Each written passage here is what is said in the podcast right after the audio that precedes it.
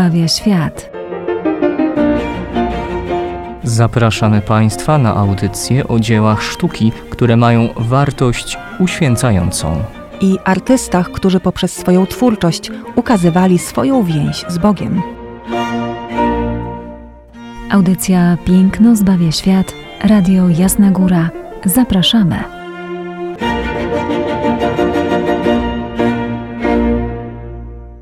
W audycji Piękno zbawia świat witają Państwa Izabela Banaszewska, ojciec Tomasz Mordziałek.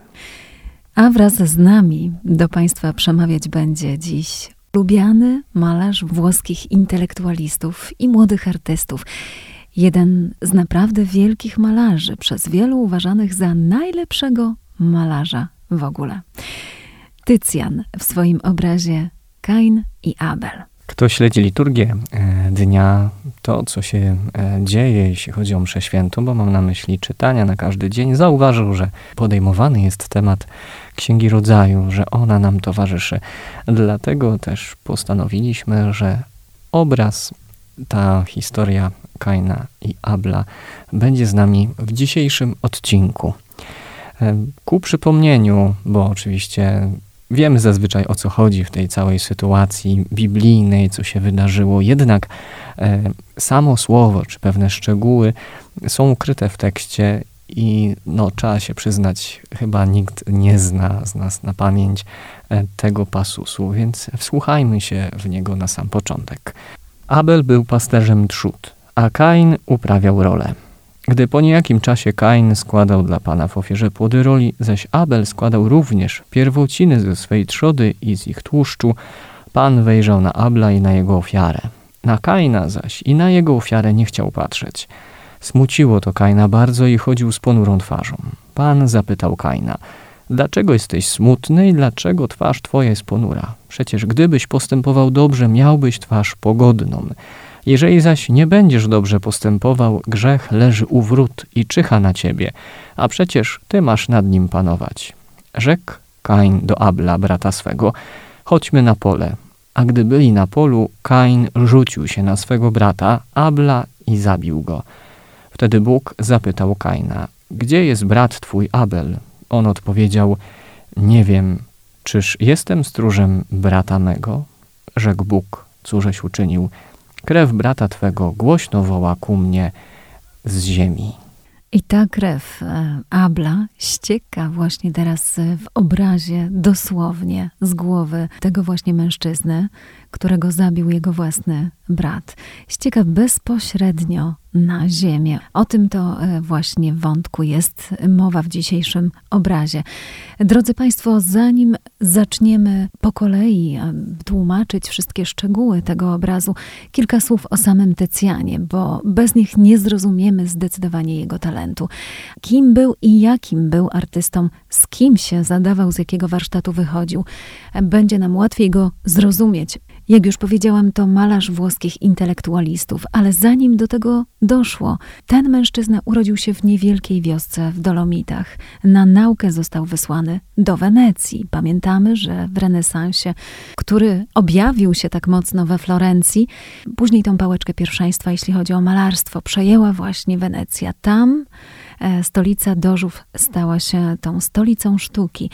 I e, kiedy na e, naukę malarstwa, a dokładnie do warsztatu ceramiki, mozaiki przybędzie młody Tycjan, okaże się, że w tymże warsztacie on spędzi bardzo krótki czas. Jak wiemy, mozaika to oczywiście układanie obrazu z kolorowych kamieni i szkieł, więc proszę sobie wyobrazić, że kolor na tyle stanie się ważny, istotny dla tego artysty, że zaważy na całym jego życiu. E, więc krótki epizod w warsztacie układania mozaik.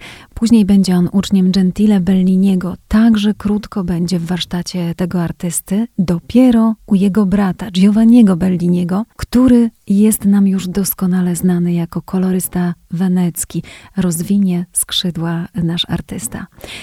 Bardzo szybko też objawi się właśnie talent u Tycjana. Zostanie poproszony o to, aby przejść do warsztatu Giorgiona. Tego artystę także już Państwo kojarzą.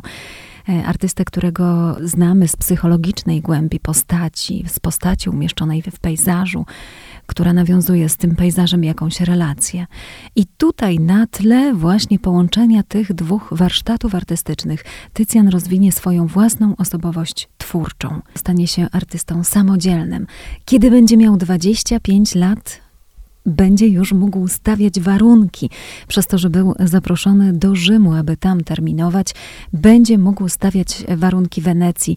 No i rzeczywiście e, postawi te warunki, będzie chciał e, zostać e, malarzem, podobnie jak sędziwy Bellini, będzie chciał mieć już status malarza państwowego i przysługujące mu przywileje.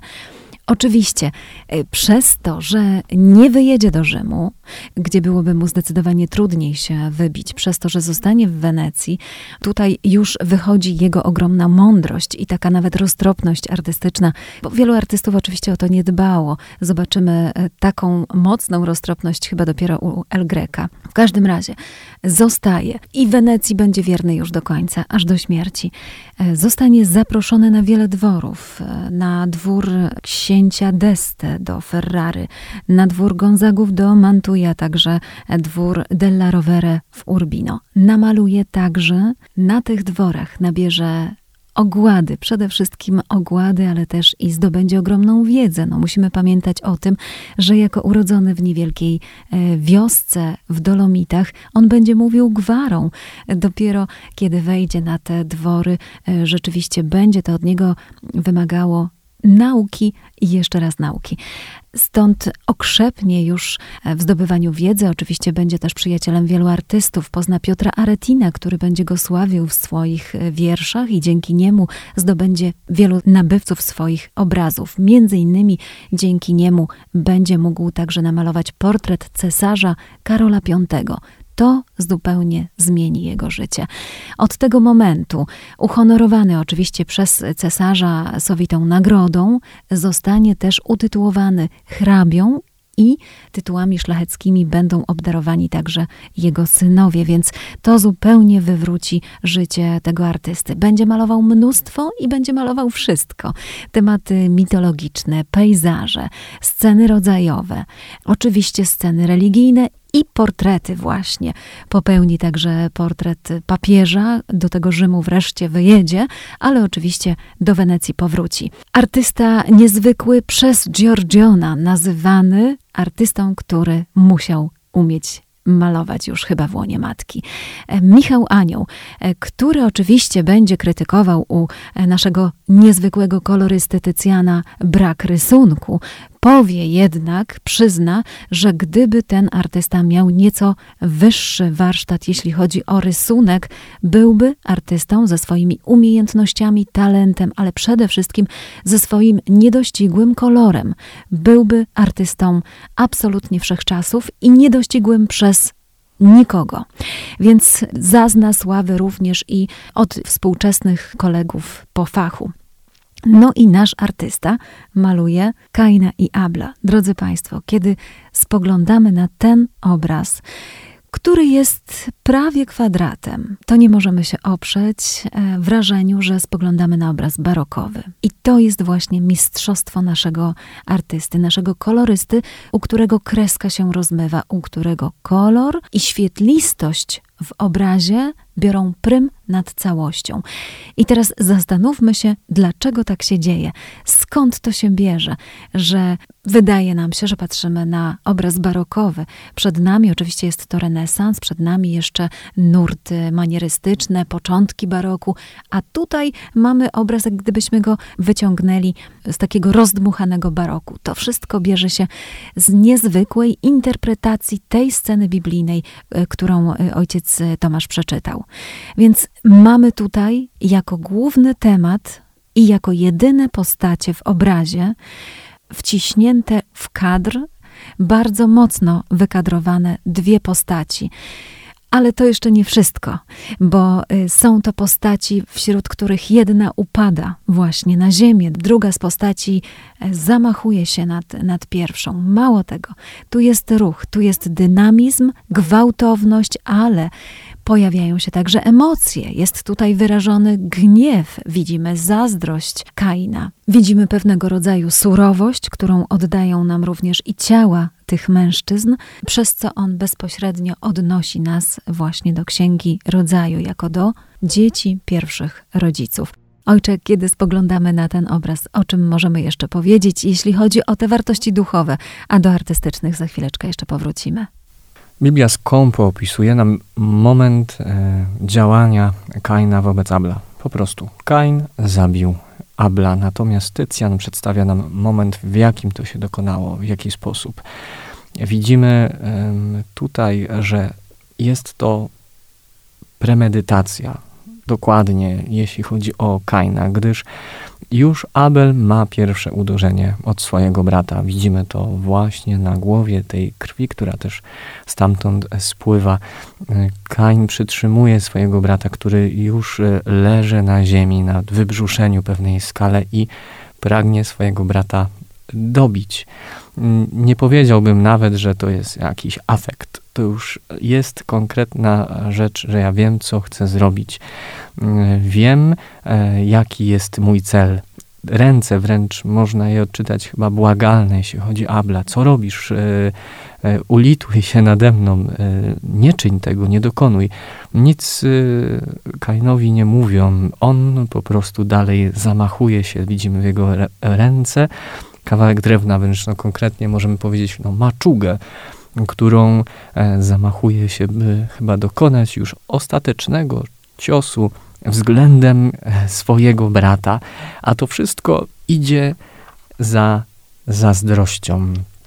Zazdrością tego, że to Bóg wejrzał na ofiarę Abla, a nie Kaina. Chociaż jest tu ukryty pewien szczegół, gdy czytamy o Biblii i coś, co było już wcześniej w sercach tych braci, a mianowicie e, Abel był tym, który chciał oddać Bogu to, co najlepsze. Nie jest różnica między płodami rolnymi a zwierzętami.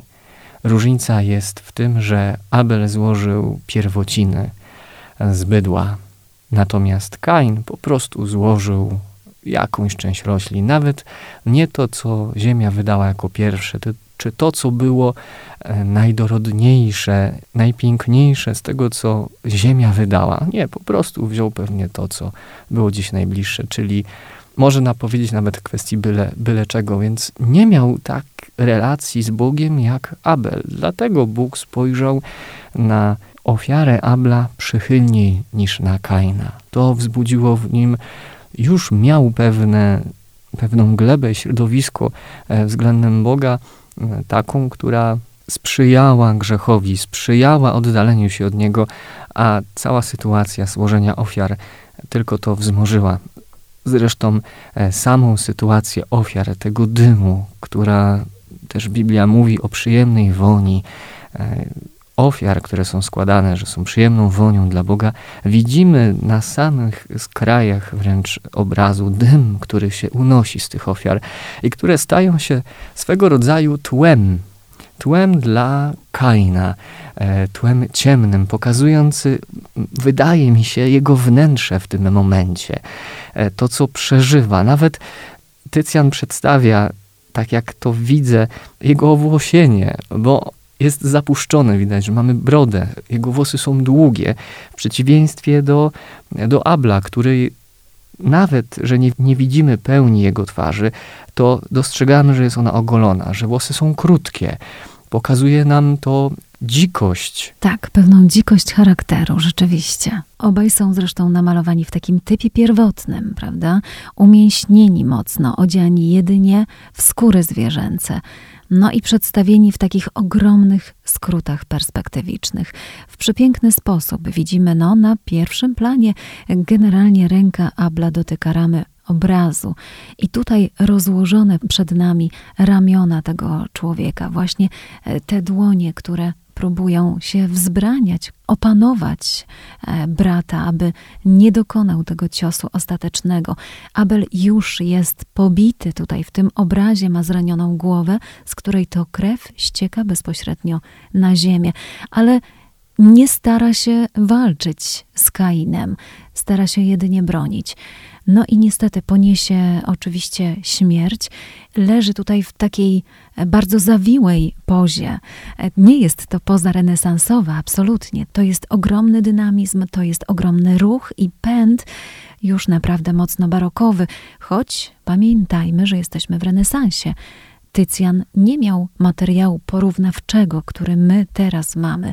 Nie znał obrazów Rubensa, które my kojarzymy, wiedząc, że stosował podobne skróty perspektywiczne. Tutaj w ogromny, ogromny skrót perspektywiczny te ramiona, prawda, e, Abla no i cała postać Kaina. Jego e, twarz e, widzimy w zaciemnieniu właśnie poprzez e, włosy, ale też poprzez podniesione ręce. Jedynie jego nos jest rozświetlony, jest tutaj na wierzchu. Źródło światła, drodzy Państwo, jest na środku obrazu. Jest rozproszone jeszcze w taki właśnie renesansowy sposób. I to chyba jedyna rzecz, która nam wskazuje na to, że mamy do czynienia z epoką renesansu, a nie z barokiem.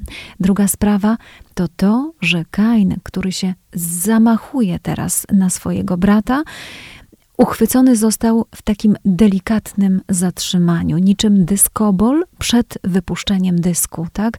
On za chwilę dokona tego ciosu bratobójczego, e, który zakończy definitywnie żywot jego brata Abla.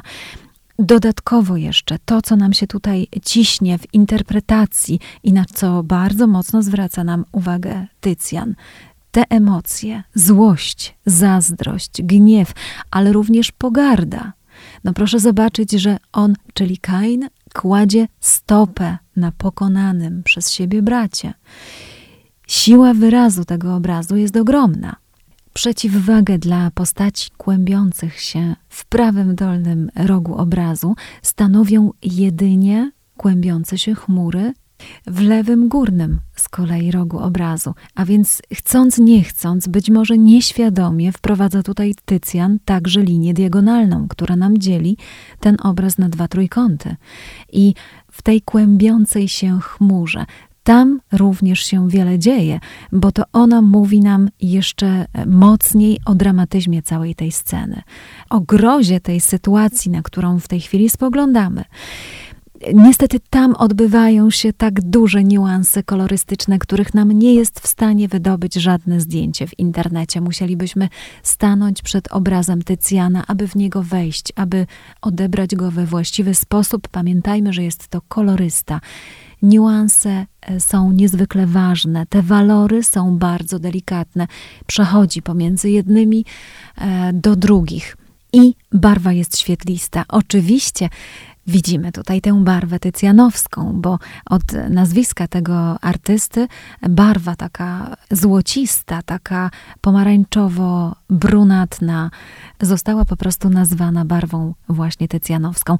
On tej barwy, tych pigmentów, tej palety pigmentów używał bardzo często w swym obrazie, w swych obrazach, choć był to artysta tak doskonały, że uważał, iż prawdziwy malarz potrafi malować jedynie trzema barwami białą, czarną i czerwoną. Wystarczy tylko, aby użył ich z mądrością. Więc y, to też jest takie niezwykłe, to też mówi nam o wielkości tego, tego malarza. Sytuacja Kaina i Abla też, y, co nam mówi, co nam przedstawia. Y, słyszeliśmy to w Słowie Bożym, a Tycjan niejako przedstawia nam już pewien owoc tego, że Zazdrość jest niezwykłym e, środowiskiem, niezwykłą glebą do tego, że możemy dokonać zbrodni. Zbrodni, która jest bratobójcza. I to nie jest tak, że e, jeśli zazdroszczę drugiemu czegoś, łaski Bożej, czy pomyślności, powodzenia w tej rzeczy materialnej, czy umiejętności, to znaczy, że wezmę maczugę i zaraz go ukatrupię. Nie, Zazdrość e, ma wiele oblicz i wiele możliwości działania. Jedną z rzeczy jest to, że możemy dokonać zabójstwa tego, kto jest mi bratem i siostrą, szczególnie w Chrystusie, w sercu, poprzez e, zwykłe słowo, a nawet dojścia do tego, że będę tą osobę inaczej traktował jako kogoś gorszego. Z powodu czego? Z powodu zazdrości. I niezwykle ważne nam jest to, aby badać siebie. Święty Jan mówi: badajcie duchy, ale trzeba nam badać siebie i czuwać nad sobą, bo to, że zazdrość się pojawi, samo w sobie jeszcze nie jest stricte grzechem. Z pytanie, do czego ona mnie doprowadzi. Dlatego Bóg mówi do Kaina: Ty powinieneś panować nad grzechem, a nie on nad tobą. To jest e, niezwykła, ważna kwestia, którą jest poruszona tylko przez Słowo Boże. My widzimy owoc, widzimy pewną rzecz końcową, do czego to może doprowadzić. Na zasadzie rzeczy profilaktycznej. Jeśli będziecie, powiedzmy, nie wiem, spożywać alkoholu nad, e, nadmiarze, narkotyki, palić ten, no to stanie się to i to i to. Tu mamy przedstawione, jeśli poddacie się zazdrości, zobaczcie, co może się dokonać, jak to może wyglądać. To jeszcze może kilka słów ku przestrodze troszeczkę, ponieważ zbliżamy się do Wielkiego Postu. Tycjan był artystą, który można powiedzieć osiągnął wszystko. Nie, nie było w, w jego orbicie żadnego innego malarza, który mógł być mógłby być dla niego jakimkolwiek zagrożeniem. Potrafił, jak słyszeliśmy, dbać o swoje interesy. E, był niezwykle mądry, przebiegły i roztropny. E, zabiegał o właśnie o to, żeby jego synowie mieli dobrą przyszłość. I proszę sobie wyobrazić, że ten niezwykle roztropny malarz umiera w całkowitej samotności. Przychodzi epidemia dżumy, która wymiata wszystko, która zabiera przede wszystkim jego bliskich, jego rodzinę i nic nie przychodzi z tego, że właśnie, że, że synowie mają tytuł szlachecki. Jego ukochany syn Horacio umiera i zostaje pochowany zgodnie z przepisami sanitarnymi w zbiorowym grobie. E, co prawda, artysta, który także umrze e, w epidemii dżumy, no, on dostanie pewnego rodzaju dyspensę i będzie miał swój oddzielny grób, ale już jego dom i obrazy zostaną splądrowane i nie zostawi po sobie żadnej spuścizny, jeśli chodzi o spuściznę e, rodową.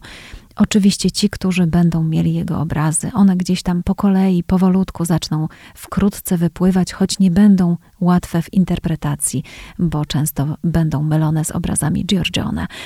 No i proszę zobaczyć, jak to zwykle w życiu bywa. Niezwykły mm, skok dokonał taki nie tylko umysłowy, bo oczywiście musiał się wykształcić, ale też i taki stanowy. Ze zwykłego chłopa stał się arystokratą. Śmierć jednak, która przychodzi, dla niej wszyscy są równi. Nie tylko obraz Tycjana, ale również jego życie staje się dla nas swego rodzaju katechezą, przestrogą, którą na pewno warto rozważyć, szczególnie tym bardziej, że przed nami czas zadumy, spojrzenia w głąb w siebie i dzięki łasce Bożej nawracania się, czyli zmiany myślenia, a ku temu pomocne jest wiele rzeczy, między innymi Mogą być to i obrazy historii życia poszczególnych ludzi. Tym akcentem tycjanowskim zapraszamy Was na kolejne odcinki Piękno zbawia świat już w tej otoczce wielkopostnej.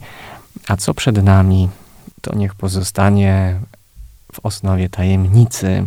Tego dowiedzą się Państwo już za tydzień. Za dziś serdecznie dziękujemy.